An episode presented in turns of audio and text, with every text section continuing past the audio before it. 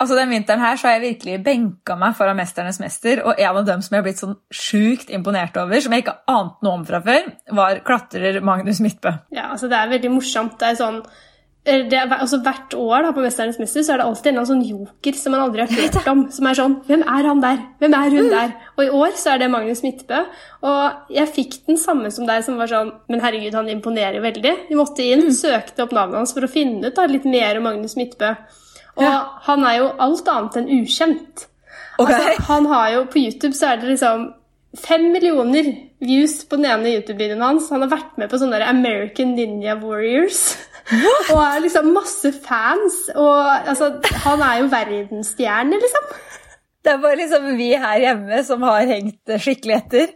Ja, rett og slett. Vi trengte 'Mesternes mester' for å liksom få Magnus Midtbø på kartet her hjemme i Norge. Men altså, der du har drevet og googla han eh, sånn sett, har jeg vært inne på Instagram, og jeg ble jo veldig nysgjerrig på Marte, som jo er kjæresten til Magnus, og de har ikke vært sammen så veldig lenge heller. Er det første kjæreste?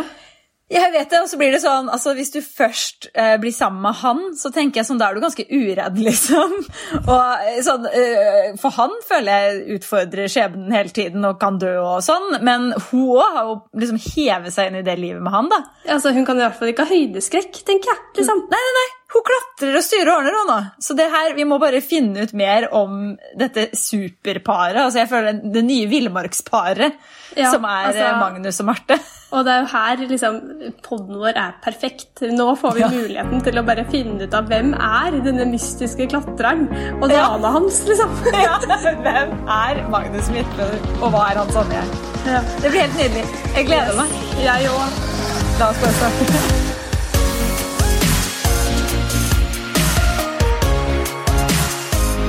Velkommen til eh, podkasten vår, Magnus Midtbø.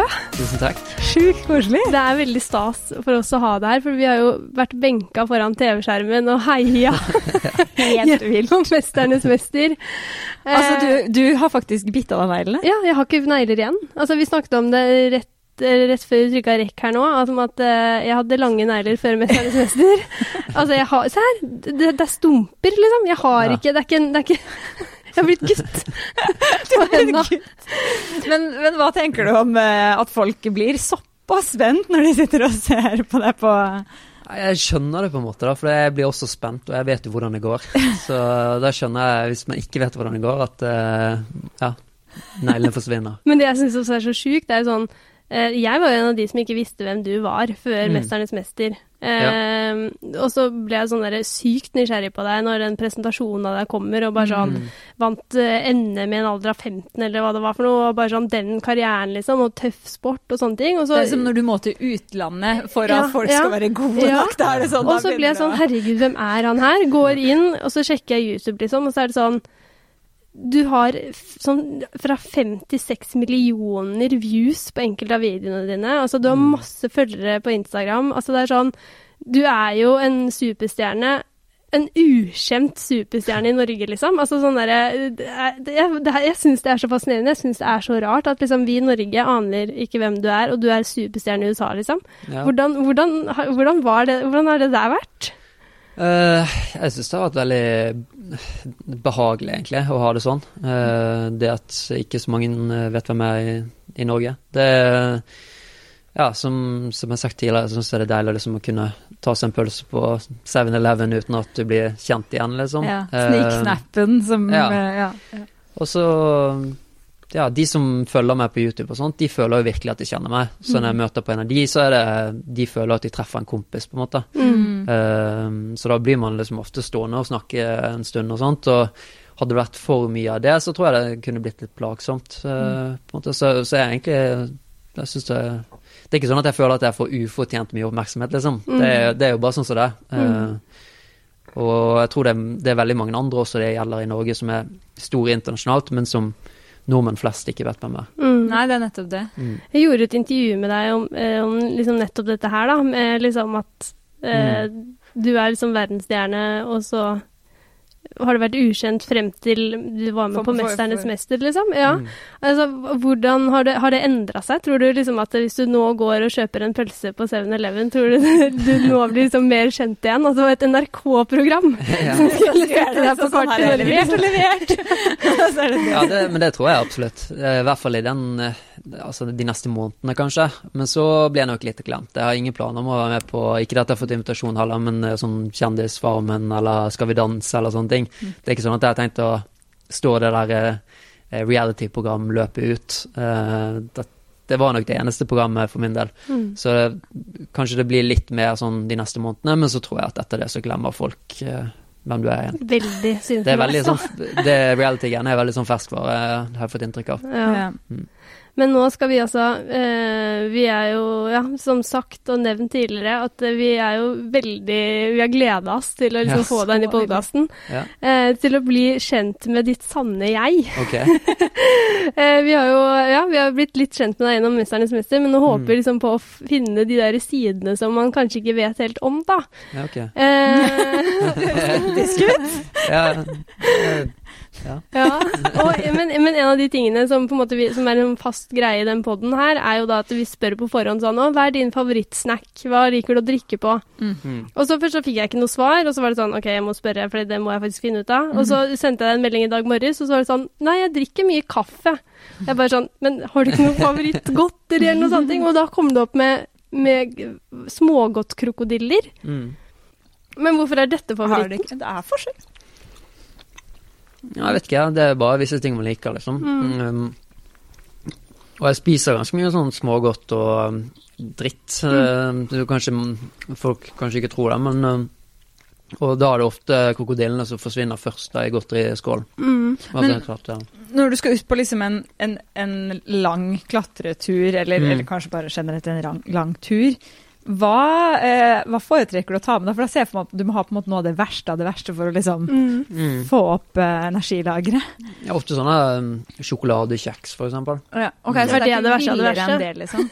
Nei, hva var det du tenkte på? Nei, jeg så liksom for meg at du sto der, for nå har du kommet sånn ostepop med sjokolade. Jeg så for meg at du Mm. omtrent var på at du hadde med sånn tube med sjokolade som du tok Ja, over sånn, ja. liksom de verste kaloribombene, liksom, for å få rask energi. Nei, altså, det er jo ikke sånn klatreekspedisjoner jeg legger ut på. Nei. Det er jo mer sånn enkle tøllengder som er Da har du liksom en arbeidstid på rundt fem minutter, Ikke sant. så du trenger liksom ikke å trykke i den margarinen da. Nei, nei. Eh, Nei, for jeg så liksom for meg at det er sånn der, man, at man har en sånn, sånn som jeg har skjønt at i, i langrenn, når man har de der gels-greiene, Mm. Mm. at det, var at- det fins sånne ting, men man Ja. trenger det kanskje ikke, Liksom. Nei, nei, liksom. altså, men eh, folk som drar på ekspedisjon og sånn, for eksempel, er eh, noe. det er jo noe helt annet Ja, enn det ja. jeg driver med, men Ja. de tar jo med seg typ liksom smør, og spiser det på alt, og Ja. spiser bare smør òg. bare for å få i seg nok kalorier da. Mm. Det er så sjukt, det er så hardcore. Det er så Ja. langt utafor min verden. Veldig. Jeg tror jeg skal faktisk legge fra meg denne harde Den er- ja, ja. her, og så, Ja, det er vanskelig å snakke med de Ja, harde krokodillene, men og så uh, tror jeg vi setter i gang. Ja. Og rett og slett blir kjent med ditt sanne jeg. ja, det. Eh, Det første spørsmålet vårt er uh, hva tenker du på om dagen? Ehm, jeg tenker jo på mye forskjellig, men det er liksom den ene tanken som uh, Som jeg tenker mest på. Uh, tenker mye på, på videoer. Det gjør jeg jo hele tiden, for så vidt. Ja, Hva på grunn kan av filme. YouTube. Ja, videoideer, da. Mm. Spesielt nå med koronaen og sånt, så er det vanskelig å komme opp med nye ideer. Ja. Mm. Eh, man kan ikke reise og sånne ting. Så det er kanskje det jeg liksom går rundt og tenker mest på. Mm. Men er det liksom sånn, går det liksom sånn Blir du inspirert av liksom alt mulig? da? Sånn at den- på vei hit, for eksempel, så er det sånn derre Å, det var et, eh, fett, en fet location, der må jeg eh, Altså, er det hvordan, hvordan tenker du video, på en måte? Nei, altså jeg ser jo på mange andre som, eh, som driver på med YouTube, og får inspirasjon av de. Uh, og så er det ofte det at man har en altså thumbnail og tittel i hodet, da. Det er det som ofte er viktigst. Ja. Det, har, det er omtrent 50% av videoen, da. Det at folk, folk, ja. folk faktisk trykker på den, og så må man bare sørge for at folk ikke blir for skuffet når de faktisk trykker på den Mm. tittelen og thumbnailen, altså ikke klikkbeite for hardt, da. Mm. Uh, så ofte heller gå rundt og tenke på hva kunne en, en Hva hadde jeg klikket på selv, liksom. Mm. Mm. Hvis det kom opp en nesten litt thumbnail. eh, ut som vår jobb. Ikke klikkbeite for hardt nå, det. ja.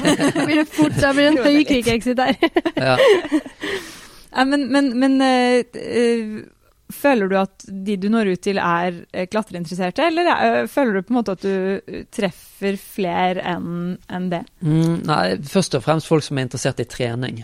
Og Derfor så har jo mye av innholdet mitt handlet om trening og ikke så mye klatring sånn spesifikt. da. Mm. Uh, tipper, Hvis jeg skulle gjettet, så tipper jeg at ca. 50% av de som følger meg, driver på med klatring selv. Uansett, liksom. Ja. Ja, Mens, uh, mens de resterende er jo, selv om de ikke driver på med klatring, så er de nok fysisk ganske aktive. Eh, Men jeg tenker sånn, fordi noen av de videoene, det er jo ekst, altså det er flere millioner mennesker som sitter Mm. og ser på det her. Altså sånn uh, Og han kaller seg aspiring YouTube. Ja. Jeg tenkte bare Hva, hva, hva skal til? ja og så tenker jeg liksom sånn, er det da virkelig så mange som er interessert i trening i verden? Eller sånn, skjønner du hva jeg mener? Sånn, mm. hva, har du på en måte analysert litt sånn Hva er nøkkelen, liksom? Ja, sånn, du må jo treffe en eller annen nerve, åpenbart, som gjør at liksom, det er så stor interesse da, for videoene dine. Ja, altså du Sånn som Da jeg begynte på YouTube, så, så begynte jeg liksom med min nisje, som var klatring. Veldig spesifikt. Og så etter hvert som man vokser, så må man jo prøve å nå bredere. Uh, så jeg begynte mer med trening, det er litt bredere. Og nå i det siste så er liksom de type videoene som får mest views, det er type at man prøver f.eks. Eh, altså Navy Seals fitness test, sånne type ting, da. Eh, som alle har et forhold til. og Ja. spiller ikke noen rolle om du er klatrer, eller om du bare er sånn sofagris, eller om du Altså, hvem som helst kan se på sånne type videoer. da. Eh, men problemet litt med etter hvert som man prøver å nå, nå ut bredere, er jo at man mister kanskje den eh, kjernen, da. Eller de, de som har fulgt deg fra begynnelsen av, for det var ikke det de abonnerte på. på en måte. Ikke sant? Uh, Så det er en veldig sånn Det er en fin balansegang, det der. Uh, Så nå så prøver jeg jo litt av hvert. eh, Og så har jeg fått en ganske sånn god følelse av hvilken video som får views og sånt. Mm. Men samtidig så prøver jeg å holde på den, den kjernen, eller de som var fra starten av. For de er jo på en måte mine mest lojale fans. Mm. Så ja, det Men vi pleier jo veldig ofte å spørre typ sånn influensere, og da er det jo veldig, veldig ofte i et sånn eh, segment med, med, Mm. med sminke og mote og den type ting. Men Ja. eh, man, man gjør ofte litt narr av at liksom, det er ikke noe jobb. Men Mm. har du liksom oppdaga I den reisen på en måte med Ja. YouTube, da, har du oppdaga at det er det? Ja, altså jeg, har jo, jeg jobber jo hardere nå enn jeg noen gang har gjort. Eh, som toppidrettsutøver, det var jo ferie i forhold til det livet jeg lever nå. Men det er litt pga. at YouTube krever mye tid pga. videoredigering. da. Mm. Uh, sånn som hver video bruker ca. 30 timer på. Mm. Uh, og så prøver jeg å legge ut én til to videoer i uken, så det er jo Da du jo mellom 30 og Dobbelt. 60 timer bare i redigering. Og så skal det filmes, og skal komme opp med ideer, skal reise og ja, snakke med folk som jeg gjør eh, samarbeid med. Og produktplassering i video. Eh, bare det med thumbnail og tittel, som jeg akkurat snakket om, det kan jeg sitte og nerde med i liksom en time. Ja. Eh, og ja, mer også. Noen ganger jeg har sittet i tre-fire timer og jobbet på en uh, thumbnail, og så bare sletter den og begynner på nytt fordi at den er for dårlig, liksom. Men hva er en tubnail, for oss som på en måte ikke er helt Ja, Ja. en thumbnail er jo stillbilde, da. Eh, Ja, altså, liksom. Forsidebilde på videoen. Det du ser når du blar i YouTube. Eh, så det kombinert med tittelen er noe av det viktigste. Ja, For, for å få så, folk inn. Ja. Men fordi da, YouTube er jo på en måte da din eh, hovedinntekt og jobb. Men Eh, er, er det det? Ja. For du har jo også dette klesmerket. Ja, klesmerket. Og klatresenteret. Ja, og klatresenter, to klatresenter Mm. som jeg deleier i. Men eh, det er helt klart YouTube som er Altså, klatresentrene er jo en investering. Eh, Mm. Det er bare en altså investor. Jeg gjør ikke så veldig mye mer enn å sitte i styret på det her i Oslo. eh, Oslo Klatresenter. Um, og så klesmerket kommer jo litt av YouTube-kanalen, for da har man jo allerede en kundegruppe. Ja. Og så hadde jeg ikke noe å selge eller tilby de fra før, så det var etter det vi startet eh, det klesmerket. Kan du si Jeg klarer ikke å uttale det. Rogne. Du sier bare det, ok, Mm. for jeg følte det var med Ja, med at apostrof du skulle si det litt ja, flott. med på fransk eller noe. Ja, ja, jeg tenkte jeg bare, jeg kan ikke si det, Nei. da kommer jeg til å si feil. Men det var, det var down to earth, det var Ja, Rogne. Ja, ja. ja. Kult. Um, ja, så, men det er YouTube jeg bruker altså, det er det jeg bruker all tiden min på, og det er også det jeg tjener penger på. da. Mm. Hvor mye tjener man på, på en, si en video med tre millioner views på Mm. YouTube? Hvor, hvor, hva, hva får du i månedslønn da, liksom? Jeg kommer veldig an på lengden på videoen, oh, ja. men også på publikummet ditt. Hvor kommer seerne fra? Kommer de fra USA f.eks., så betaler de ti ganger mer enn hvis de er fra India. Er det sant? Oi! Ja. Hva, Så det hvor, kommer til hvor, hvor er i næringskjeden er nordmenn? Er vi, er vi Nei, de, de var, nordmenn var ganske lavt uh, på et tidspunkt, uh, men nå er det nesten oppe på nivå med USA. Men det har endret seg ganske Men hvorfor er det det? Det er fordi at annonsørene betaler også mer. Ja. Så amerikanske annonsører betaler mer enn indiske annonsører. Ikke sant, for de får en annen reklame de får en enn det, reklame. ikke sant? Mm. Aha. Så det er veldig, eh, vel, veldig vanskelig å, liksom, å vite akkurat hvor mye en, en video vil generere. Og I tillegg så handler det om lengden på videoen. Mm. Uh, fordi jo lengre videoen er, jo flere mid-rolls, altså reklame midt i videoen, inn, kan du legge inn. Ja. Så, så det kommer veldig an på. Men, Men er, tjener du ikke aller mest på produktplassering? Nei, akkurat nå er det faktisk eh, reklamen som eh, går Oi. før, under og etter videoen. Ja. Yes. Men uh, også er produktplassering i videoer det, det, det tjener nest mest på, da. Ja, Mm. ikke sant. Men hvordan får man da penger? Får du liksom da en Må du fakturere YouTube selv, eller er det sånn at du får lønn fra YouTube, liksom? Ja, det går automatisk. Fra, får du sendt fra Google i Irland, og så går det jo bare rett inn på firmaet, og så betaler jeg skatt av det som alle andre, på en måte. Ja, Mm. så, det, så det er så Det er faktisk enkelt, da. Eller Ja. sånn, det er ikke noe Ja, det er til og med Om jeg hadde dødd nå, så hadde det bare rullet og gått. Uh, på grunn av at jeg har jo gamle videoer innpå, men da hadde jo kanalen dødd ut etter hvert. Men uh, det, alt skjer automatisk. ja. Men altså, nå, det, nå ble jeg sånn uh, Hold the horses, fordi uh, Ja, akkurat det, dette må du når, vi, når vi tar det opp. Nå skal det ikke bli YouTube-stjerne. Ja, nei, nei, for nei, men jeg, nei, nei, nei på, på ingen måte. Men jeg tenkte på Jeg snoka jo litt på deg eh, siden du var med på 'Mesternes mester' og, og sånn. Og jeg får helt angst av den Instagram-profilen din. For jeg, jeg har blitt eh, det, Du kjenner deg jo igjen i, i å, å bli over 30. Ja.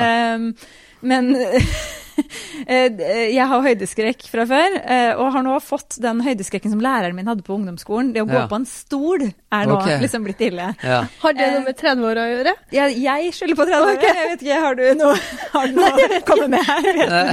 Nei, altså man blir jo mer engstelig med alderen, tipper jeg. Eh, Ja. Og så mange sier det at etter de får barn, så endrer seg, ting seg veldig. Ja. Da blir man mye mer forsiktig. Åh gud, så det blir verre etter hvert det her. Ja, det kan godt mulig. Ja. Men, men så, altså, og, og jeg ser jo på bildene dine og tenker sånn Mm. Det er jo en overhengende fare for at man dør. Er det noe du har noe forhold til? Altså sånn Ja, nei, det, altså, det er nok farlig, det er nok mindre farlig enn det ser ut som. De bildene, for eksempel. Eh, For jeg har tau på meg, jeg klatrer eh, boltete ruter, som er Altså, de boltene kommer ikke ut. Nei. Eh, Så selv om man tar liksom store fall og det ser veldig sånn røft og tøft ut, så tipper jeg at det å stå på ski ned en bratt snøbakke er farligere enn det, det jeg driver med, da. Ikke si det, da, for det er jo det, det, er jo det jeg gjør. Ja. Ja. tok den. Men, men dette, dette siste bildet du la ut uh, fra, fra Lofoten, Mm. er, er det, Det er bare et sånt kjent eh, turistmål, faktisk. Det, det ikke, går ikke rett ned under meg der. Nei. Det er bare sånn kjent sånn Og fleksibil er det den på, ry, på Ryten? Ry- Ryten, ja. ja. Ja, ja. Der, er, der har jeg vært sjøl. Har du hengt Og, og der? dingla. Ja. Nei, det har du ikke! Jo, jo. jo Nei! Du, det er Det er, det er et platå rett ja, under. under. Ja, men så- du altså, er kan sånn- stå, og så bare løfter du opp bena, og så tar du bilde. Ja, men liksom på en skala fra meg til Per Heimli, liksom. Ja, ja, du Hvordan- kunne dingla der, ja. Ok, men ikke Ja. Per Heimli, tror dere? Jo, helt sikkert. Ja, ok, for dere har sett Dere har sett, sett denne- gjengen det nå. Ja, jeg har sett det. Og jeg, med tanke på, med tanke på liksom redsel, liksom. Ja, Mm. Fordi det, det platået styrke. som dere snakker så varmt om, det er eh, en sten i mitt hode, sikkert. Altså, det er Ja, grus. kanskje. Men det, det er i hvert fall ikke så Det, Det- ser, spe, altså, ser spektakulært ut, men det Men det som ser så var helt sånn sjukt spektakulært på eh, profilen din, er når du henger fra Trolltunga. For at det Ja. der går det rett ned. Ja, der går det rett Der ned, er men ikke der er det også tau. Så, Ok. mm. Men det syns ikke. Nei, kanskje ikke godt nok. Men det, vi, det var jo litt bevisst at vi prøvde å gjemme det litt vekk, sånn at det ikke skulle så ikke være veldig synlig. Det, for det ser ikke så kult ut med liksom et oransje tau som går langs hele steinen. Um, så, men eh, vi hadde tau der, så det er også Det er helt sikkert det også. Mm. Uh, men det ser jo selvfølgelig ekstremt ut. Men er, du, men er du opptatt av sikkerhet når du gjør på en måte sånne ting? Sånn Ja, altså Jeg har aldri utfordret det liksom eh, det, skulle, altså, det er det fysiske jeg er utfordret på, ikke det psykiske. Mm. Jeg har ikke noe behov for at det er så farlig, på en måte. Det, det er nok at jeg får utfordre meg, utfordre meg fysisk. Mm. I hvilke anledninger lyver du?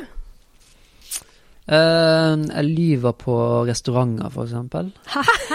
Hvis, det var veldig hvis, hvis du spør meg hvordan maten var, for eksempel. Ja. Uh, Kelneren spør det. Jeg kommer uansett til å si, uansett om det smakte dritt, så hadde jeg sagt at det smaker veldig bra og veldig godt. Jeg er veldig konfliktsky, egentlig. Okay. Uh, ser ingen grunn til å fortelle kelneren at det er dårlig. Kanskje det er bare min preferanse. eh, og jeg skjønner ikke hva jeg får ut av det, på en måte, å skape negativ stemning. Så jeg, uansett, i en sånn situasjon, så vil jeg bare lyge og si at, uh, Det var godt. at det var godt og smakte bra. Så du er ikke den som sender inn en dårlig vin for å få en ny en og sånn? Nei, Nei. det, det er sjeldent. Men vinsmaking, Ja, kanskje, liksom. ja, det er kanskje litt, litt mer hvis man har noe sånn vinning på det. da Hvis man kan bytte ut vin og få ny, så kanskje da er det, da er det litt bedre. Men sånn som maten som du allerede har spist uansett, hva får du ut av å skulle skjelle ut en kelner som ikke har laget maten engang? Ja. Det er jo kokken i så fall da som burde Men selvfølgelig han tar jo videre kritikken. Men Mm. ja, sånne, ting er, sånne ting er jeg veldig dårlig på. Og det Jeg tror i de fleste tilfeller så, så lyver jeg om altså Ja, bare hvis jeg syns noe er stygt, eller noe ikke smak, smaker bra, eller sånne ting, så Uh, Ja, så jeg sier bare at det er bra, at det er Mm. kult, eller det er fint, eller det Men uh, heller det enn å liksom ja, fornærme noen, da. Ja. Sånn som når vi var forsinka her, da, og jeg bare sånn Herregud, unnskyld. Jeg, har satt her på tida, går det bra, har du dårlig tid? Hadde Ja. du egentlig dårlig tid da, på en måte? Egentlig skulle jeg begravelse eh, nå. Nei. tull. Hjelpes! Ikke som med en gang på Jeg bare tenkte hvor mye strøm har jeg på bilen, skal jeg kjøre deg dit? altså, det er noen tanker som reiser gjennom hodet. Ja, men sånn, Hvor langt kan den konfliktskyheten din gå? da? Er det liksom sånn at det liksom, eh, noen gang kan bli et problem? At du på en måte ikke tør å si ifra? Ja, det kan kanskje det. Ja, jo, jeg, jeg tror jeg hadde nok hatt litt å hente på å være mer direkte, og det å tørre å si fra til folk. Ja. Um, men uh, jeg kommer ikke på noe sånn konkret eksempel, egentlig. Men, uh, men jeg tror ja, livet hadde kanskje vært litt enklere hvis jeg hadde turt å si akkurat det jeg mente. Mm. Men samtidig da blir man liksom stående og diskutere med den personen, da, og så tenker jeg noen ganger at hva, hva får man egentlig ut av dette her? Ja. Kan ikke jeg bare si at det var fint, og så stikker vi, og så er det greit, så er det ferdig. I hvert fall ting som ikke kan gjøres noe med, så Mm. tenker jeg at eh, da gidder jeg ikke lage dårlig stemning, liksom. Mm. Du har jo eh, fått deg kjæreste, eller dere har vært sammen Mm. i et års tid. Er det også sånn når eh, dere, Det er vel ikke så lenge siden dere flytta til Oslo, eller? eh, Mm, Jeg har jo bodd i Oslo i ti år, Ja. men hun studerte i Bergen, og så nå skal hun ta master her i Oslo. Ja. Mm. Men, de, eh, men dere bor jo sammen nå. Ja. Eh, er det sånn når dere da var på Ikea, liksom, og Mm. hun plukker ut en sofa, er det da sånn Ja, den var fin. Ja. Vi, vi, vi, vi kan ta den. ja, men det er faktisk sånn. det Er jo det sånn. sånn? Ja, det Men jeg har liksom ikke så mye formening om sånne ting heller. Altså, når det kommer til sånn interiør og sånne ting, jeg bryr meg egentlig ikke. Nei.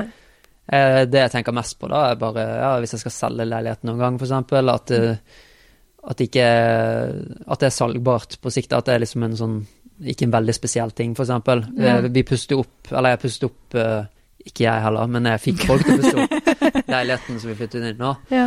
Um, og da var det Altså, det viktigste for meg var egentlig bare det at uh, folk flest skulle synes det var fint. Mm. Sånn at jeg ikke gjorde noe som var veldig spesielt, sånn her oransje bad eller noe sånt, liksom. Mm. Uh, så Så du pustet ikke opp for deg selv, egentlig? Du pustet opp for Salg. at for Ja, at noen andre også kunne like det? ja. ja, når vi Det er koselig. Når vi har gjester og Det hadde vært dumt hvis det på visning ble litt dårlig stemning mellom folk, eh, så det er viktig å ha. ja. Det er nydelig. Hva er din største frykt? oh, Største frykt Um, Jeg er ikke redd for så veldig mye, egentlig. Uh, veldig lite engstelig. Uh, Det er kanskje litt eh, vanskelig å være engstelig når man liksom er en klatrer. Sånn. ja Og Litt upraktisk. Ja. Eh, mm. Men også sånn generelt, liksom. Da. Jeg har liksom ja, aldri vært så engstelig for ja, det å eksponere seg selv, f.eks. i sosiale medier, hva folk syns om meg og sånne type ting, har jeg aldri vært så opptatt av. Mm. Eh, Så jeg har ikke så veldig mye frykt. Men Jeg liker ikke så godt edderkopper, da, hvis det er noe. Er det sant? Ja. Oi! Ja, men kan ikke du, Edder, du altså edderkopper og slanger og sånne type ting, det, ja, det liker jeg ikke så veldig godt. Så Men du klatrer jo Ja, ja. veldig sånn eksotiske steder, Steder. da. Er det Ja, ikke, kan det du ikke ligge en det var, slange det var en gang hvor det hang en slange rett over på den ruten jeg skulle klatre på. Eh, Det var faktisk i Italia også. Det er ikke noe farlig så lenge i Italia, så vidt jeg vet. Nei. Men uh, det var, det var en stor jævel. På, den var sikkert to meter lang, og det hang akkurat på, på ruten som jeg skulle klatre. Så jeg så liksom opp, og så så det ut som at den skulle nesten falle ned på meg, da. Hva gjorde du da? Den, sto, den var liksom ti meter over meg og hang og liksom strevde litt for å holde seg på veggen. Ja. Så det var nesten sånn at hadde jeg ikke oppdaget det, så kunne du plutselig fått en sånn to meter lang slange rundt nakken. Åh, Men altså, hva gjør, hva, hva gjør Nei, man jeg stakk fra det feltet og kom aldri tilbake. Ja, Nei, ikke sant? Da- det, var, da- det, det var liksom da gikk du ned igjen, Ja. liksom? Selv om det sikkert fins slanger rundt omkring eh, hvor jeg har vært tidligere, det at jeg så den, og det at den var på den ruten jeg skal klatre, Ja. eh, det gjorde at jeg ja, bailet på hele Ja, jeg hadde aldri gått forbi den sjangen, for å si det sånn, men jeg hadde sikkert aldri kommet meg opp i den fjellveggen heller, da. Nei, men jeg var ikke i fjellveggen, jeg sto og gjorde meg klar på bakken. bakken, ja, okay, og så så så var jeg opp, Ja. og så hang den der. Ja. Og da var da det pakket jeg bare saken og stakk. Ja, Mm. det Å, fy fader. Men har du noen gang på en måte vært midt i en vegg, og så liksom skal du ta hånda et sted, og så står det en edderkopp der, liksom? Ja, det har vært edderkopper og sånt, men ikke sånn store. Ja. Um, så det, da går det greit. Og hvis man er veldig sliten og sånt, så, så bryr man seg ikke like mye, da. Okay, er man så bare du- så, du er så fysisk sliten at du liksom bare slår litt på edderkoppen, oh, ja. så forsvinner den. Så du tar du det tar rolig, den, ja. liksom? Ja, et, et, ja. Altså, hvis det hadde, hvis det hadde vært en av oss oppi den fjellveggen vi der ikke Altså, Vi hadde jo lagd en scene uten like. Jeg hadde Ja. ringt Røde Kors og bare 'Kom, helikopter! Her er det en edderkopp!' Vi hadde jo ikke vært i den fjellveggen, Nei, vi hadde så det er ikke noe vits å være redd for. Vi hadde ikke kommet oss opp. Hvem eller hva er ditt livs kjærlighet? ja, det må jo være kjæresten min, da. Mm. det vil si, jeg har ikke, jeg har ikke vært i så mange forhold før det, på en måte, og alltid egentlig tenkt at jeg var for sta og vanskelig å være med til at eh, det liksom ville fungere med det forholdet i det hele tatt. Så eh, ja. Men så med hun så funket det bare, da. Eh, Men for sta? Altså, Ja, jeg syns du virka veldig sånn konfliktsky. ja, bare, ja, jeg er veldig konfliktsky på en måte, men samtidig så kan jeg være veldig sånn sta eh, på andre måter. Eh, at jeg vil ha det på min måte, og er kanskje vant til å prioritere og sette meg selv først. Ja. Um, På grunn av idretten, rett og slett? ja, sikkert på grunn av idretten, ja. Ja. Um, så Ja, det er vanskelig, det der. På, på en måte så er jeg veldig konfliktsky, men på en annen måte så er jeg veldig sånn sta og skal ha det på min måte, da. Mm. Eh, men jeg tror det gjelder mer de som jeg kjenner veldig godt, da. Ja. Mm. Mm. Hvor var det du møtte henne, egentlig? Vi bare begynte å snakke på Instagram, egentlig. Det er oh, ja. ikke mer romantisk enn det. Så Ja, For hun er jo egentlig ikke i utgangspunktet en del av et sånn klatremiljø. Sånn, hun klatret vel ikke noe særlig ikke i det hele tatt. Nei. Hun hadde ikke prøvd engang før vi ble sammen. Å ja, ikke engang Nei. på et klatresenter, på en Nei. måte? Shit. Aldri prøvd å klatre. Så um, ja. Men nå så klatrer han jo litt, da, og tar et badekort som kan sikre og sånt. Så. Ja. Stoler du på det? Du, har, har hun sikra ikke i begynnelsen. Eh, det er jo Vet ikke- hun det? Ja da, det vet hun.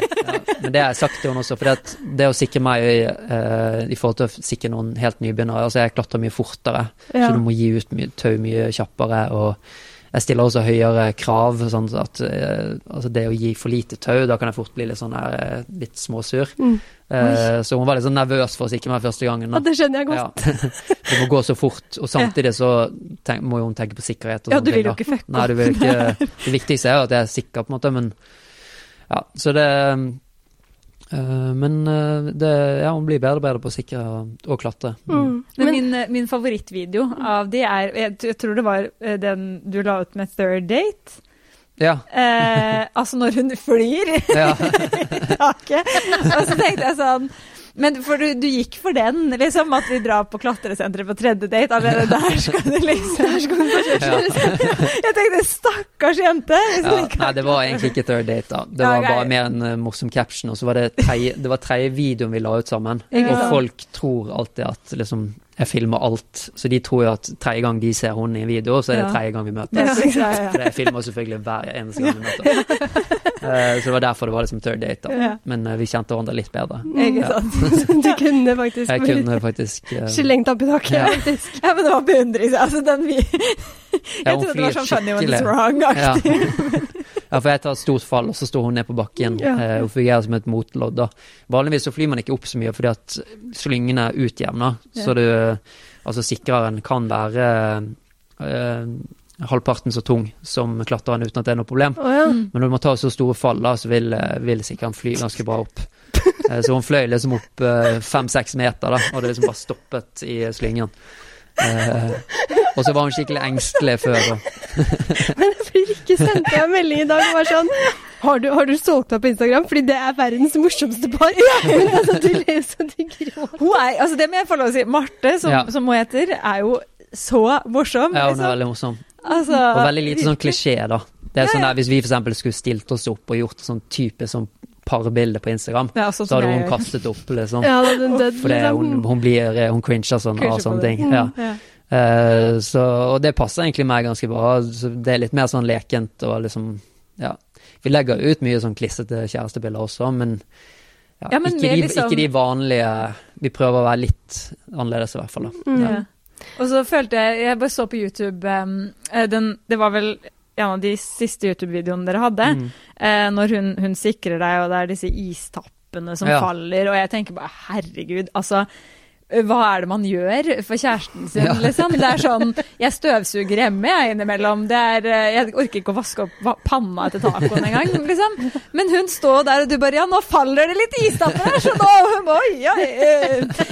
Altså, men så ble jeg sånn Jeg må ha det villmarksparet her på TV. Dere må jo på en måte bli det neste Trine Rein og Lars Ja, Monsen. ja. For Trine Rein gjorde jo litt av det samme for Lars Monsen, Ja, føler jeg. ja. Kan du ikke liksom Jo, det, men det er jo altså For min del akkurat nå så er det mye mer lukrativt å produsere innholdet selv. Ja, Mm. Eh, og det er samme altså Mesternes mester, sånn sett fra sånn business, rent businessperspektiv, Mm. så var det nok ikke lurt. Oi. Eh, altså Ja, YouTube-tallene gikk Nei, nå. YouTube-tallene gikk jo bare ned. Det var ikke sånn at jeg fikk nye subscribers pga. Eh, programmet. Oi. Og man tar jo en måned av fra arbeidet sitt, på en måte. Så Og det vil jo være det samme hvis man eh, er med på et TV-program eller produserer noe for TV eller noe sånt, så Mm. tror jeg ikke at eh, det ville gitt mye, like mye tilbake som det det gjør å produsere innhold selv, og i tillegg produsere det på engelsk, da, som eh, når ut til flere. Mm. Uh, Men det er jo en avveining, da, for hvis man snakker på norsk, så blir det nok enda mer naturlig og levende. Mm. Det er, altså, ja, vi, vi er jo flinkere til å uttrykke oss på norsk. Mm. Ja, da det istappene falt, var det på norsk. Ja, ja.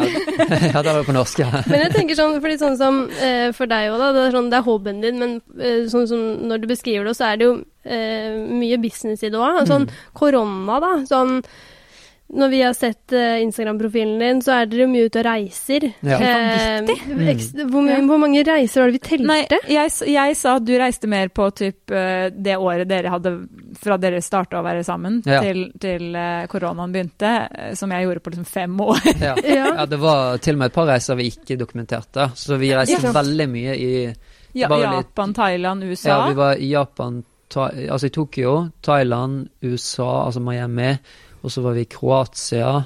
Kroatia stemmer. Uh, ja, det var i hvert fall det. Og det var i Ja. to, Var det 2020 Nei, det var Men 2019. 2019. Ja. Ja. Mm. Og så, sånn, og så kom jo korona, så det må være en sånn bråbrems. Ja, det var skikkelig bråbrems. Veldig vanskelig. Sånn, så jeg har jo alltid lagd videoer med andre internasjonale youtubere. Mm. Det er den raskeste måten å vokse på. Og så bare det å Da har man automatisk en ny tittel og thumbnail fordi at man har en annen person i videoen. som man kan Så nydelig, da var, da var det sorted. Ja, så, men da slipper man å tenke så mye på det, på en måte. Men eh, så det Folk har jo spurt meg om det har vært positivt på, altså for tallene og sånt med koronaen. Og det, jeg, har, jeg har ikke merket noe på det, men det kan også være pga. at jeg ikke har kunnet reise og lage like gode videoer eh, som jeg pleide å gjøre. Mm. Så da må du bare bruke Marte for alt. Ja, jeg må egentlig det. Marte, du må, du må være med, du. Nå. Ja. Jeg, tre- Ja. jeg trenger et show. ja, ja. ja, kan ikke du være den som bare fucker opp litt? her nå? Jeg trenger, en- trenger en bra sånn tubnail-reaksjon.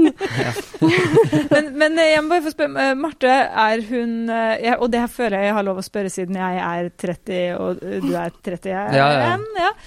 Ja. Fortsatt. Um, er hun litt yngre? Mm, hun er ni år yngre. Ni år yngre, Mm. ikke sant? Ja, for jeg syns hun så så utrolig kul ut. Og da blir hun da? er hun 23? Ja. Mm. Ja, ja. Ikke sant. Men Men da, hun studerer? Uh, ja, hun er ferdig med, med bachelor i, uh, i uh, samfunnsøkonomi. Og så skal hun studere oi. master her i Oslo. Oi, satan, hun er glup, da. Ja, hun er smart. Mm. Men, Så du må egentlig, det jeg tenker sånn, du må bare få henne til å fortsette å studere, for da kan Ja. hun jo være med deg og reise. Så sånn, hva Ja. skjer den dagen når hun Ja. plutselig får seg en, en jobb, da? Ja, ja. Nei, det, da blir det litt vanskeligere. Men uh, hun er jo liksom ikke med i alle videoene, og så ja, hun kan, hun kan være med i videoer som er her hjemme, og så reiser jeg på egen hånd og sånt. Eh, det er det jeg har pleid å gjøre. Eh, så, så jeg tror det vil, vil fungere, men.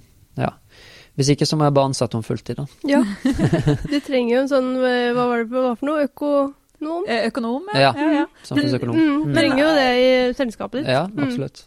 Men er dere fra Altså, det, hvor langt unna være Altså, har du kjent henne fra før på noe vis, eller Nei, har du Ikke i det liksom hele tatt. Vi bare tilfeldigvis begynte å snakke. Ja. Og vi har ingen felles venner. eh, vokst så- opp langt fra Ja, vi har hverandre, eller? litt, har litt like historie. Altså, begge mm, vokst, ble født i Bergen. Hun Mm. bodde der til hun var jeg husker ikke, seks-syv eller noe sånt, og så flyttet de til Ålesund hele familien. Og så, Ah, Uh, og så har hun bodd der siden Eller så flyttet hun til Bergen, tilbake til Bergen for å studere, da. Mm. Uh, så begynte på universitetet der. ja.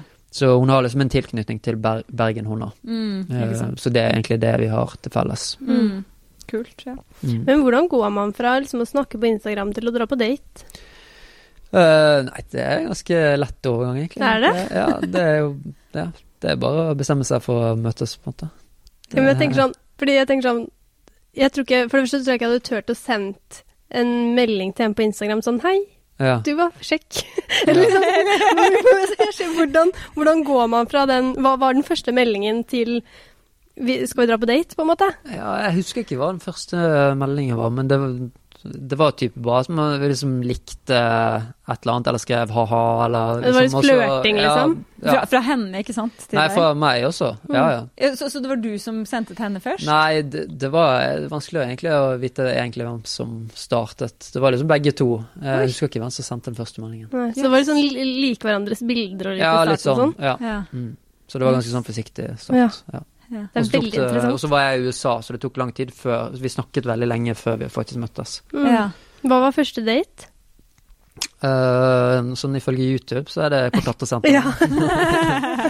uh, men det var egentlig bare en date i Oslo hvor vi tok en Ja, vi gikk ut og drakk, liksom. Ja. Det var veldig vanlig. En vanlig Eh, date. ja, på den tiden jeg bodde, jeg bodde på, på Frogner eh, før jeg flyttet ned til Vika. Eller Vika, vel tenkt sagt. Fognar, det jo. Men eh, så det var på en sånn lokal liten bar der. Mm. Men det er jo litt sånn når man, eh, når man skal treffe noen for første gang, og man har snakka, og du, Ja. du, som du sier, du går inn i det med at du eh, egentlig trodde du var for sta og sær, var det det? Ja, til å få kjæreste? til, altså. ja, til å Eller ikke kanskje til å få kjæreste, men til å holde på en kjæreste, da. Ja. At jeg ja, bruker for mye tid på mine ting, liksom, og Det er det samme som jeg har aldri klart å ha en trener, Nei. bare fordi at jeg føler alltid at jeg har visst mer selv, og Ja. ja. Du syns det er vanskelig å på en måte eh, Bli fortalt hva jeg skal ja, gjøre. Ja. Mm. Uh, og derfor så tror jeg at jeg har vært veldig heldig med å finne den jobben jeg har nå, fordi Ja. det å ha sjefer og sånt, tror ikke jeg hadde fungert så veldig bra Nei, eh, på sikt. ikke sant. Men hvor, hvor, hva, er det, hva er det med Marte som gjør at det går, da? Eh, altså, for det første så er hun eh, eh, hun, er, hun er ikke sånn veldig A4, på en måte. Mm. Sånn, liker, altså jeg kan jo sitte oppe og redigere videoer til klokken fire på natten, og så legger jeg meg og så sover jeg til ett, og så neste dag så Så det er litt sånn kaos, på en måte.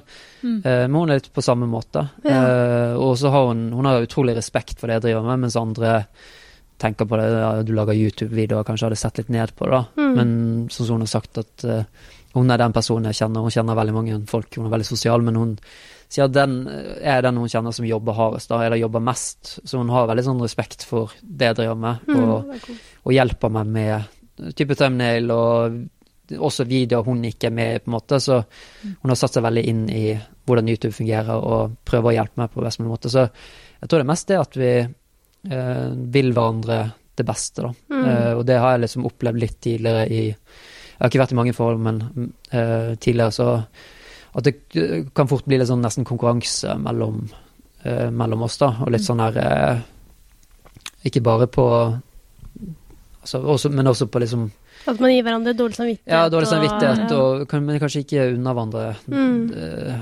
ja, all oppmerksomhet. Altså, det tenker jeg også mange kunne hatt problemer med, at jeg får at jeg har mye oppmerksomhet på YouTube, på en måte, og ja, nå på TV også, men eh, ja. Mm. Jeg tror det meste er at hun bare Jeg føler, at, jeg føler virkelig at hun genuint bare vil alt det beste for meg, og da vil jeg automatisk det samme for henne. Ikke sant. Hva angrer du mest på? Um, nei, altså, jeg angrer vel egentlig ikke på, på så veldig mye. Um, jeg har hele livet Altså, jeg har jo ikke hatt noen plan. Uh, hele livet har bare vært sånn go with the flow og ta ting som det, som det kommer. Uh, har jo ikke utdannelse og liksom bare satset på klatringen som jeg ikke visste at jeg kom til å tjene penger på engang. Um, og så tenkte jeg jo egentlig at etter at klatrekarrieren var ferdig, så måtte jeg finne meg en normal jobb. Det var ikke sånn at jeg hadde YouTube i bakhodet da jeg startet. Det var ikke en plan fra starten? Nei, ikke i det hele liksom. tatt. Nei. Så det har liksom bare, veien har bare gått, gått seg litt til etter hvert. Mm. Og egentlig så, så angrer jeg ikke på noe som helst. Så, Ting har liksom bare falt på plass og løst seg etter hvert. Og det er liksom alltid den holdningen jeg har hatt, at eh, ja, når man bor i Norge og sånt, så er man, ting løser seg. Eh, Vi er utrolig heldige. Jeg hadde nok ikke tenkt det samme om jeg hadde bodd i et fattigere land, eller da hadde jeg nok satt Altså prioritert utdannelse og gå litt mer sånn sikker vei. Men eh, Og jeg er veldig glad for at jeg har gjort det, da. Mm. Du slår meg liksom ikke som en person som heller dveler ved ting. Sånn der, sånn Litt sånn som kanskje vi to kan være, da. Sånn derre å herregud, tenkes eh, At, man, at man, vi kan legge oss og tenke over ting vi gjorde eller sa, eller Du slår meg liksom ikke som en sånn dveler. At det er Nei. mer sånn ja ja. Ja, jeg er, jeg er flink til å bare legge ting bak meg, og så fortsette med det jeg gjør, på en måte. Mm. Det, men det er jo det samme Altså, hvis folk eh, hadde spurt meg om liksom om jeg mener at de bør ta utdannelse eller sånt, så hadde jeg sagt absolutt ja. Det er, sånn, Det er jo kun sånne særinger som meg som kanskje det ikke funker for, da. Eller ja. Ja, eller sånn så er det så sånn Vi hører jo eh, den historien du forteller eh, om at når man satser, da. Mm. Det er jo mange som har den historien, men som ikke klarte det opp, Ja. på en måte. Ja, ja, absolutt. den, eh, ja. Men jeg tenkte jo sånn at i, i verste tilfelle, om det bare skulle vare i ja, fem-seks år, sant? Mm. og jeg ble 30 og ikke hadde noe utdannelse, så, så hadde jeg alltid klart jeg tror Den disiplinen den tar jeg med meg videre. Og jeg Mm. tror at jeg hadde klart å jobbe på en, en vanlig jobb og samtidig studere et eller annet, og bare omdirigere den disiplinen til noe annet. da. Mm. Så, så jeg var liksom aldri redd for at det liksom skulle gå skikkelig galt, og at jeg skulle liksom bli hjemløs, liksom. Jo Men hvor tror du du har den disiplinen fra? Har du liksom alltid vært sånn? Nei, egentlig ikke. Som på skolen og sånt, så er jeg veldig dårlig til å gjøre lekser, for eksempel, og sånt. Eh, Men eh, det er et eller annet Jeg tror den, eh, den kom liksom med klatringen, da. Hvor jeg så liksom at det Når jeg jobbet hardt for noe, så, så betalte det seg. Mm. Mens på skolen så er det jo liksom mer sånn at du, ja, du får en karakter og sånt, men så går du videre, på en måte. Men i, eh, i idrett så, ser, så får du så enormt sånn eh, be, altså belønning for strevet, da. Mm. Det er et tydeligere mål, kanskje? Ja, tydeligere mål. Mm. Og det, det tror jeg man lærer mye av, og ja, kan ta med seg videre, da, uansett hva man driver med. Mm. Men jeg har alltid vært sånn veldig sånn alt, alt eller ingenting. Da. Jeg har vanskelig for å ha sånn balanse i livet, så jeg tror hvis jeg hadde begynt med noe annet, så hadde jeg helt sluttet med det. Altså Jeg kunne f.eks. sluttet med klatring og begynt å studere juss og bare kun gjort det. på en måte. Ja. Men jeg klarer ikke å ha den balansen i livet. Nei. Eh, Det å fokusere på to ting, det, Det er helt umulig liksom. for meg. Mm. Det var litt det samme med trening og kosthold, f.eks. Det ble enten eller. Enten Ja. må jeg fokusere på trening, eller så fokusere på kosthold. Yes. Så Det ble trening. Ja, det ble trening. Eh, ja. Eller så klar, jeg klarer liksom å gjøre f.eks. trene hardt en måned, og så neste måned fokusere på kostholdet. Ja, ikke skjønner. begge deler Ikke begge deler. Men det, det er fokusert på, det er veldig fokusert på. Ja. Er du nesten litt sånn eh, bes, eh, besett, bare Ja, besatt blir, av det? ja, Ja. det blir litt sånn. Mm. Eh, Åssen er det å være sammen med da? Åssen er det å være, liksom, Nei, det er det det som gjør det litt vanskelig, da. Mm. At jeg, jeg er så i min egen boble. Mm.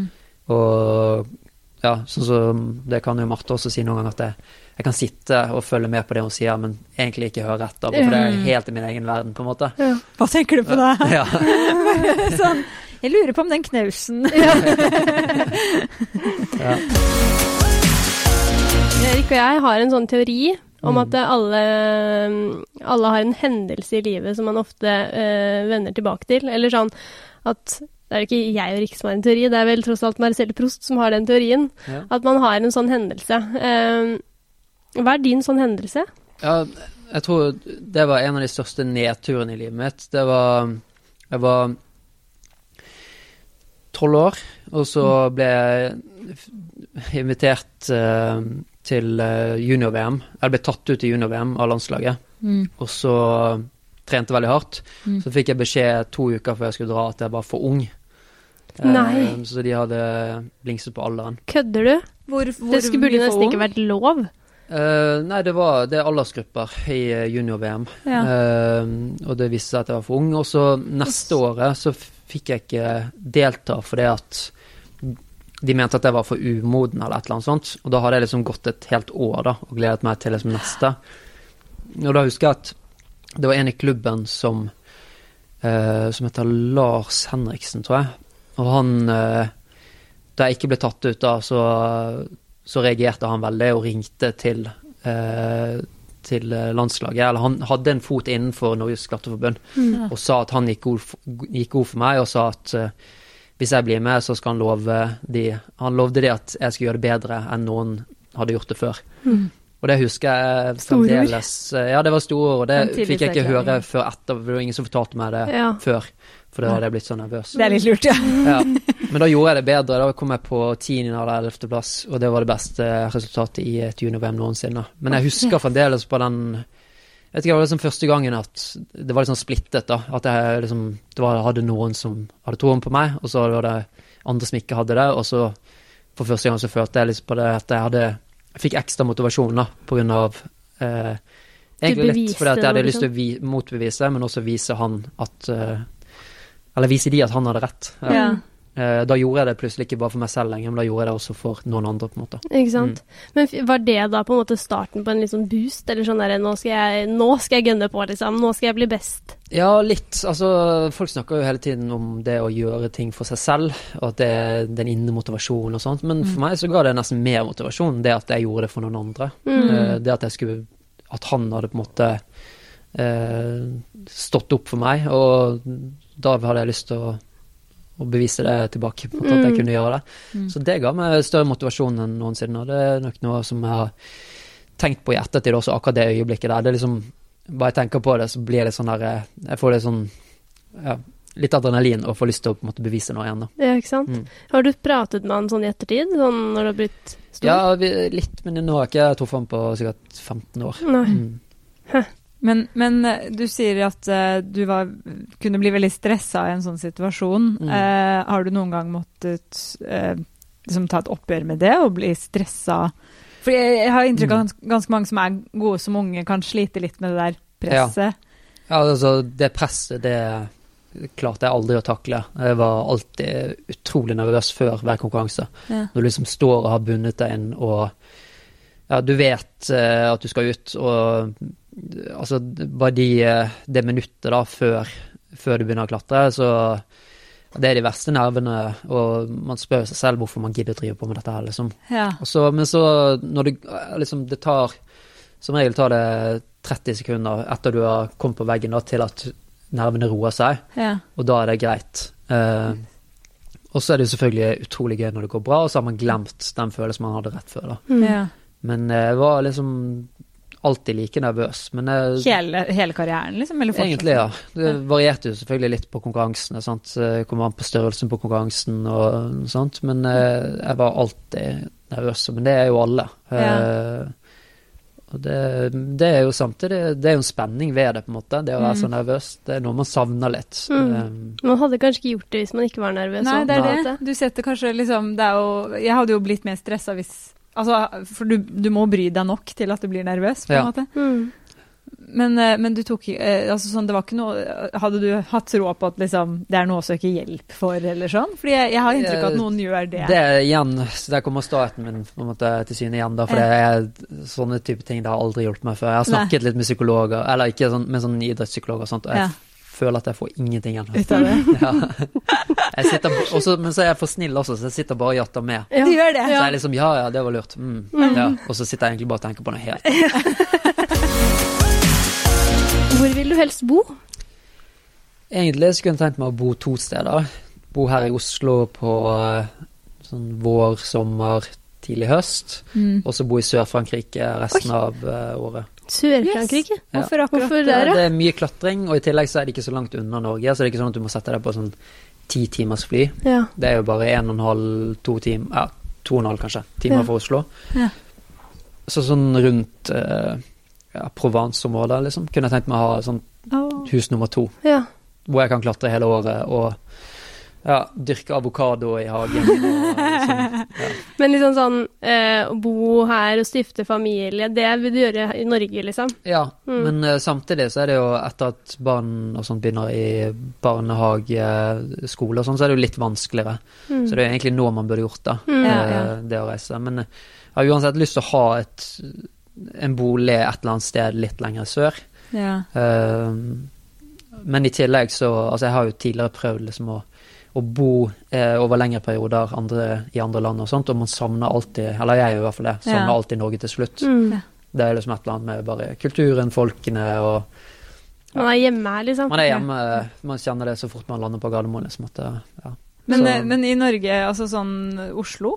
ja, jeg kunne nok ikke flytte tilbake til Bergen, eh, og det er egentlig bare pga. klimaet. Mm, Eh, ja. Det regner hele Det regner liksom. for mye, dessverre. Ja. Ellers så eh, Jeg liker alt annet med Bergen. Men, Men men jeg syns det var litt interessant, vi kommer så vidt inn på det, men, men dette med barn, altså Mm. er det eh, noe dere Med tanke på at hun studerer og sånn, er Ja, ja, det noe dere er har ikke, snakket om? det- vi har jo selvfølgelig snakket om det, og sånn, men det er ikke noe som Det kommer nok ikke til å skje med det første. Men, eh, men på sikt så vil jo begge to ha familie, så Ja. det Hå- Håper du at det blir en klatrer?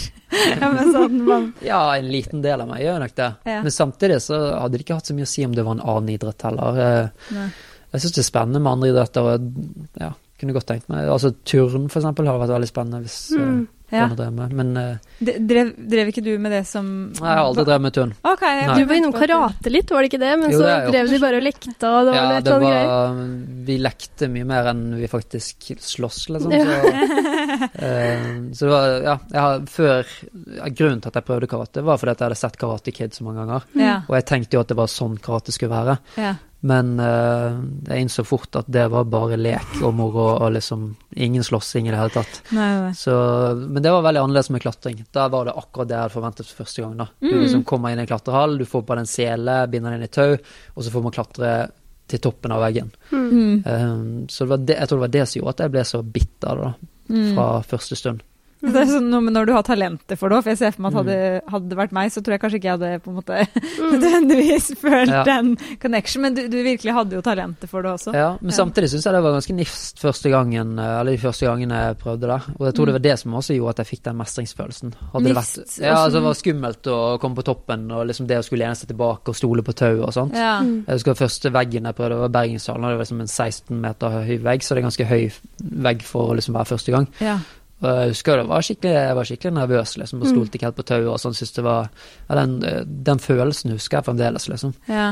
Uh, men jeg tror, tror det at jeg syns det, det at jeg syntes det var litt skummelt, det gjorde bare det at jeg ble ekstra gira på liksom å gjøre det mer. Mm. Mm. Hvem er heltene i livet ditt? Uh, sånn nå, eller da jeg startet For det har forandret seg veldig Ja, du har det? Oi. Ja, det, Vi hører alt. Ja, ja. Ja, ja, nei, altså egentlig så har jeg ikke så mange sånne helter eller folk jeg ser opp til noe sånn på samme måte som jeg gjorde før. Eh, du har jo sikkert ikke, eller dere har sikkert ikke hørt om de jeg så opp til før. Mm. Det er jo Nei. kjente klatrere, bare, på en måte. ja. Eh, en som heter Chris Sharma, en annen som heter David Graham. Som jeg hadde, det var de to jeg hadde plakater på rommet, da, Mm. som var liksom de største. Og det tok ikke så lang tid før jeg liksom fikk eh, møtt de da, og klatret med de. Så det var Åssen er det? Ja, det er veldig spesielt. Det er jo som at en fotballspiller skulle spille fotball med Ronaldo eller en eller annen. Mm. Liksom. Ja. Så det Ja, det var veldig, De du alltid har hatt hengende på rommet, Ja. og så bare Ja. Og så tar det liksom bare tre-fire år da, før jeg liksom møter de. Ja. Og, ja. Sa du da at uh, I had poster of you? in Nei, my- det tror jeg ikke. no.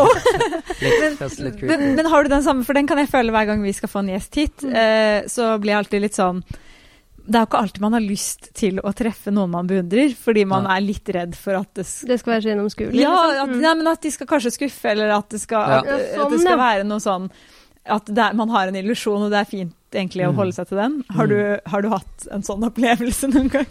Nei, egentlig ikke. Altså, det, jeg pleier å si at uh, de beste klatrerne er utrolig greie. Det er de nest beste som ikke er så greie. Oh, ja.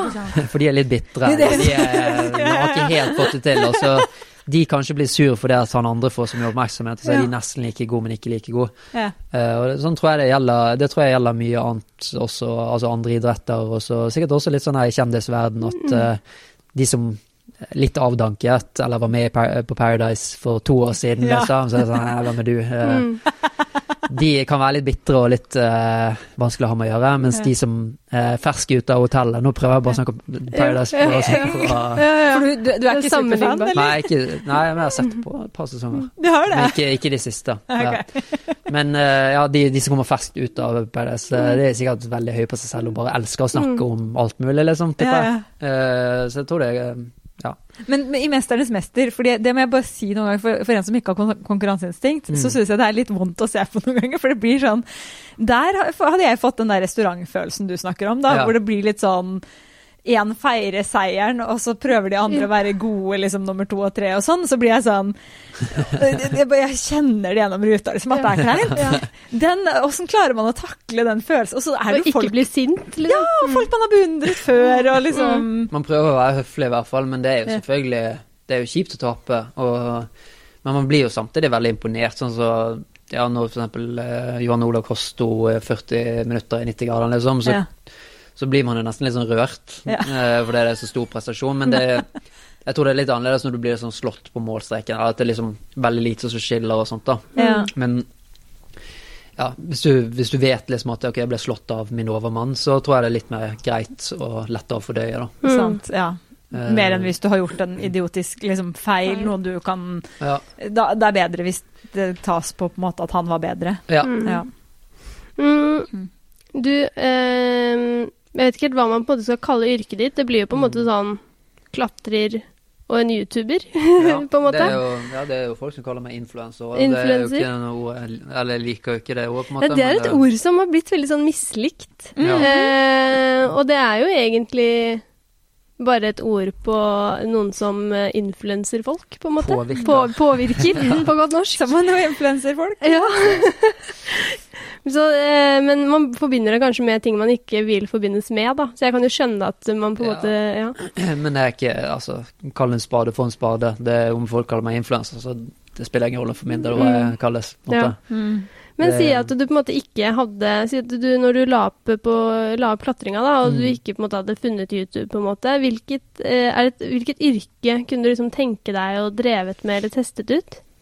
Jeg det mest sannsynlige er fortsatt i klatring, altså enten som trener eller ruteskruer eller ja, investere i senter. Eh, et eller annet med klatring. Landslagstrener.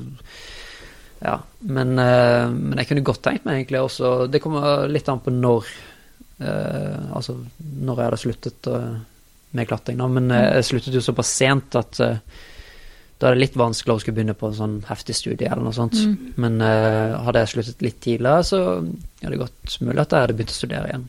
Mm. Du nevnte juss i stad, var det bare et eksempel, Ja, eller var det faktisk noe du kunne Men det var en sånn barndomsdrøm Det var en eller annen Jeg husker ikke hva serien het engang, men det var det var en sånn advokatserie som jeg så på. Boston. Nei, det var før, det, før det. det. Jeg tenkte, Er Boston legal, eller noe sånt? Ja, sikkert. Men da husker jeg så på den og hadde så lyst til å bli advokat. Så Ja. Du så ikke på sykkelpolitiet, sånn som meg. Ikke at Jo da, jeg det så jeg på. Mm. så for meg at jeg skulle få til det, men Ja, nei, det kunne, kunne vært gøy å være sykkelpoliti. Ja. Men er det noe du absolutt ikke kunne drevet med da? Som liksom er sånn derre Det yrket hadde jeg aldri takla, på en måte? Regnskapsfører, det kunne jeg aldri vært. det er ikke så langt unna det kjæresten din. Altså. Ja, ja, det er faktisk ikke. Nei, men altså, jeg, jeg ja, leverer jo mitt regnskap til regnskapsfører, og mm. jeg syns synd på ham hver gang jeg leverer det. Ja, for det er bare det å lage reiseregninger og sånne ting så det der. Jeg er veldig flink på det, faktisk. Jeg gjør det hele tiden. Jeg er ikke sånn som slurver med det, men, eh, men jeg syns det er utrolig kjedelig. Mm. Det å sitte og knote med sånne tall. Uff. Det, Eh. det er, ja. Og så er det så ofte sånne ting man utsetter og utsetter, sånn at det hoper seg opp. Ja, det er virkelig. Åh, ja. Sånn, uh, hatt litt sånn, sånn bæreposer med kvitteringer, for eksempel, Ja. som sorteres. Og klippes og limes på ark Ja. og sånne type ting. Det, det kunne jeg aldri klart. Nei. Um, Så du er liksom Du er fornøyd sånn som livet er nå? Veldig fornøyd Ja. med sånn som livet er nå. Ja, Jeg håper bare det fortsetter sånn at jeg liksom har den friheten, da. Eh, eller akkurat nå så føler jeg egentlig ikke at jeg har så mye frihet, for jeg har så lite fritid. Mm. Men eh, målet etter hvert er å, å kunne styre dagene litt selv, på en måte. Eh, jeg tror ja, noen elsker jo å jobbe og det livet, på en måte. Men for min del så kunne jeg godt tenkt meg å bare hatt mer tid til å klatre igjen, dra på klatreturer uten å skulle filme og ta bilder og liksom legge ut ting, men bare for min egen del, da. Mm. Uh, jeg har så mange hobbyer som jeg har lyst til å dyrke, at jeg har ikke noe behov for noe sånn jobb, på en måte. Eh, Mm. så egentlig så har jeg bare lyst til å Bli rik. jobbe så hardt nå som mulig, investere pengene, og så kunne leve av det. Ja. Ja. Det blir veldig spennende å følge med på deg fremover. Og Ja. se liksom sånn hva som skjer. Du sier jo selv at du aldri skal være med på Skal vi danse og eventuelt Farmen kjendis og sånn, men eh, Altså, sett en det, liten knapp på det må skje, ja. Eller eh, hva nå enn det er, da. Altså villmarksliv Mm. eh, med, med dere to. mm. ser for meg ass, det hadde vært Ja, så ja. morsomt. Ja, men bare Altså, jeg, jeg, jeg skjønner argumentet med at Ja. man tjener mer på YouTube. Så, Vi får følge med på dere på YouTube i mellomtiden. ja. Ja. Men eh, tusen takk for at du, du tok deg tid til å eh, prate med oss. ja. Takk for at jeg fikk eh, komme. Det var Ja, Bra.